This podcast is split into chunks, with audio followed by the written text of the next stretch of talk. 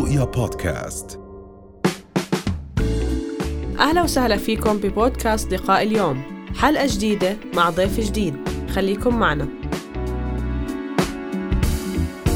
لما نتحدث عن الأحلام بشكل عام نتحدث هناك العقل الواعي وهناك العقل اللاواعي.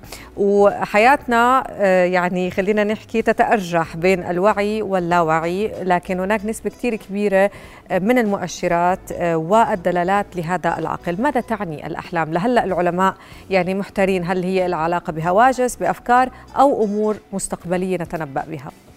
هلأ أنت حكيت شيء كثير مهم إنه العقل الواعي والعقل اللاواعي. هلأ الأحلام بتطلع من العقل اللاواعي. أوكي. اللي هو الأشياء الإنسان المشاعر اللي بيخزنها. هلأ كثير في ناس ما بيفرقوا بين التفكير والمشاعر. صح. هلأ التفكير السليم بخلينا نحس ونشعر بطريقة سليمة ومريحة. نعم. هلأ بس اللي بيأثر علينا أكثر اللي هي المشاعر. فهلأ كثير في ناس بتفكر منيح بس هي ما عم بتحس منيح.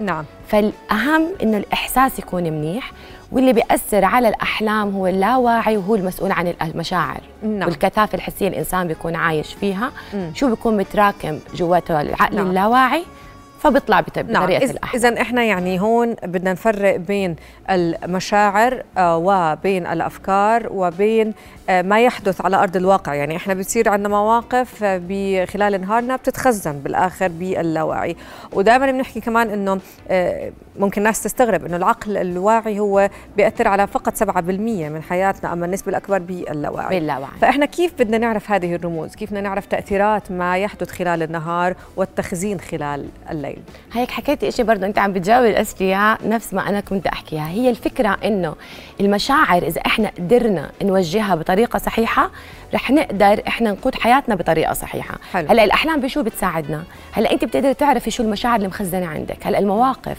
م. اللي هي بتتخزن باللاواعي هي المواقف اللي كان عندك فيها كثافة حسية. تمام. مش بس الأفكار. اللي كثير أنا أخذت من مشاعري. أيوه بالضبط. أوكي. انت من خلال حلمك رح تعرفي وين مشكلتك. ما هو أنت نعرف السبب بطل العجب. صح. انت رح تقدري تعرفي وين مشاكلك شو هي المشاعر اللي مسيطرة عليكي شو الأشياء اللي انت بتكوني مأثرة عليكي في حياتك ومعطلة أشياء كثير انت بدك إياها. نعم. فممكن من خلال حلمك إنك تفسري أو تحللي مشاعرك نعم. ما نستخدم الحلم لأنه إشي إنه مثلا أنا أفسر لك حلمك إنه حيصير معك كذا. ما نستخدم الحلم للأشياء المست... مش تنبؤ بالضبط.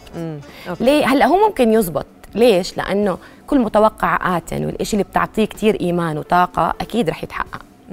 والإشي إحنا مشكلتنا كمان إنه الأشياء السلبية كثير إحنا عندنا يقين فيها يعني. مم. خلص طبعا انت آمنتي فيها كثير رح تصير. نعم.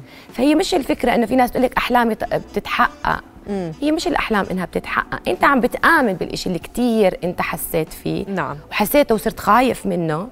فهذا الإشي عم بيتحقق فعليا. طيب سارة مثلا في أكثر من شخص من اللي بقابلهم وأنا نفس الحلم مثلا بتكرر اللي هو السقوط. آه، وكثير أشخاص قابلناهم أو أنا قابلتهم بيحكوا لي كثير بحلم إنه عم بوقع. آه، بحلم بأشخاص مثلا معينين أنا ما بكن لهم مشاعر جيدة. هل هذا كمان مثلا السقوط من خاف من الفشل؟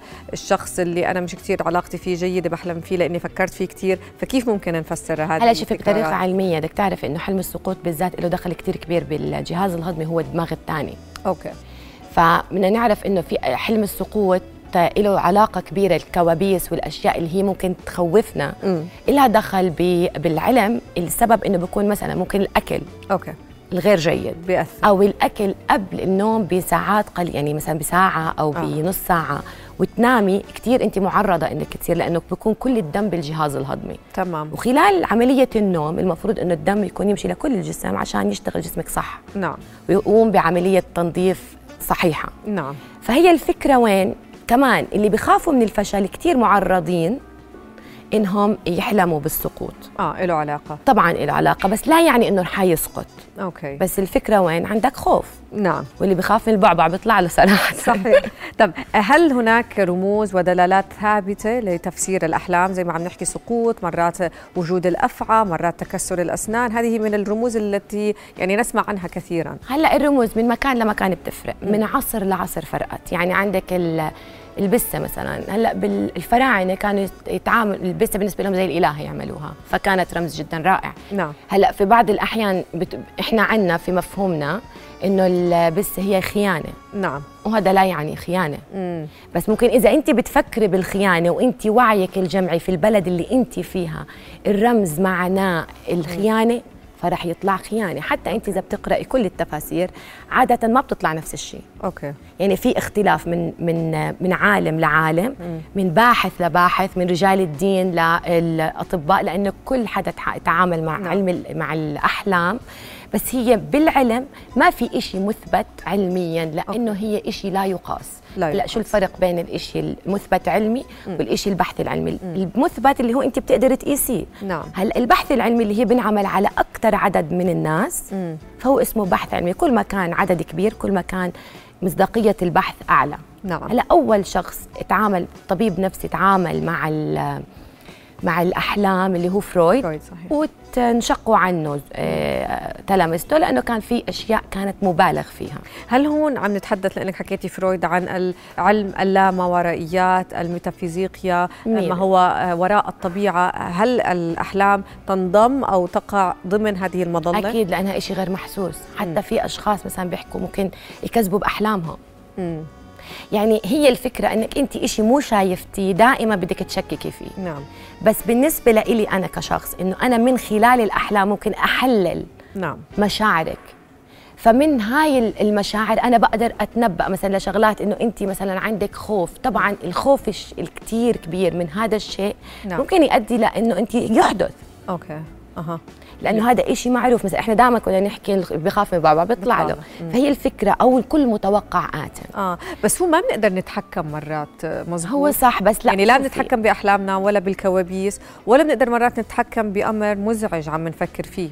مية بالمية. وشوفي بس كتير في ناس بينكروا الأحلام. مم. مع إنه لو يحلموا حلم بخوف كتير رح ياخذ من من وقتهم ورح يصيروا يفكروا فيه كتير. وإذا فسروه بطريقة عشوائية خطر جدا. مم. يعني أنا بعتبر إنه من أخطر الأشياء إنك أنت تتعاملي فيها بالنفسيا الأشياء المجهولة. كثير في ناس بخافوا من المجهول. طبعاً. فهاي الأشياء بتأدي فيهم لكثير أشياء إنه بتصيروا يعرفوا إنه رح يصير أو لا. أو انت الفترة الزمنية انت أصلا لبل ما يحدث الشيء قديش بتتعبي نفسيا. صح. وفي مرات بيقولوا لك ما بدي أقول لك الحلم مش منيح آه، خايفة يتحقق كمان هاي بس هي عم. بتفكر فيه. بس انت إذا لجأتي أو إنه الأحلام صار في إشي أكثر وعي فيها يعني شوفي أي علم ما عم بنقاس عم بتعاملوا الناس معاه بطريقة غلط. مع إنه انت لو إنك ال- الأحلام ال- الأطباء تعاملوا في ال- كل الناس بحثت فيها في أساس علمي معين. يعني الأكل الصحي التفكير الصحي بيأثر على أحلامنا. هلأ في أحلام غيرت التاريخ. يعني في ناس اخترعوا اختراعات من خلال أو لقوا حلول مم. صحيح. من خلال أحلامهم. مم. يعني حلموا الحلم وكان بمثابة لا، الحلول، هو عقلك الواعي أذكى. أو إلهام. 100% هو نعم. عقلك الواعي أذكى من عقلك الواعي. مم. نقدر نشتغل على هذا الموضوع؟ طبعاً. ولا عم نحكي عن أمر لا إرادي؟ 100% هذا هو اللي إحنا بنحكي. اذا إحنا استخدمنا الحلم بطريقة صحيحة وكنا نتعامل يعني ما ناخذ الحلم كأنه شيء أكيد حيصير. هلا بما إنه حيصير لا انت ممكن تغيري. إذا غيرتي تصرفات معينة غيرتي طريقة آه، تفكير وأدت إلى مشاعر أفضل فانت أكيد اللي راح تروحي له أفضل. صح. نعم. فهي الفكرة وين؟ إنه أنت لما تغيري أسلوب عادات معينة يعني مثلا الأكل قبل النوم كتير إشي مضر للعقل وللمشاعر. آه ال- الزعل قبل النوم. بالضبط. وإنك تضلك تفكري بشيء أنت متضايقة منه قبل ما تنامي هاي عادة جدا سيئة. نعم. هلأ في ناس بتفكر صح بس هي إحساسها مو قادرة إنها تحس صح. إيش السبب؟ إنه أنت عم بتفكري صح بس مش مقتنعة. نعم. فلما تكوني أنت ما عندك قناعة ما رح تحسي منيح. يعني مثلا في ناس بيحكوا عن التسامح. بقول لك إنه التسامح مش إنه الله يسامحك. التسامح الحقيقي أنت هو تسامح. شعور. يعني أنا مرة قرأت كتاب ل وان داير بيحكي إنه إذا بدك تعملي تيست إنك مسامحة شخص ولا لأ لأنه مشاعر التسامح من أكثر الأشياء اللي بتأثر على الأحلام. okay. هي السبب إنك أنت لما تكره الشخص ممكن تحلمي فيه. لانها بتعمل حبل طاقي بينك وبين هذا الشخص فبتصيري أنت كثير يخطر لك باحلام بالأحلام آه. كثير بيطلع لك شو الاختبار؟ اللي هو إنك أنت تشوفي هذا الشخص اللي كثير بتكرهيه بأحسن موقف. إذا إجتك الغصة فأنت مش مسامحة. آه okay. آه نتمنى له الخير. هلا بدك تتمني له أنت بتقولي أنا تمنيت له الخير بس فعليا أنت لو شفت الخير عليه رح ممكن تتضايقي فأنت رح تكشفي حالك أكثر من مشاعرك. صح صح. فهي آه، الفكرة وين؟ إني أنا أقدر إني أقنع نفسي وأطلع مبررات للطرف هذا وأسامح فعليا يكون بطريقة منطقية إني ما أضحك على عقلي. 100% سارة غيث باحثة في علم الأرقام والأحلام شكرا. رؤيا بودكاست.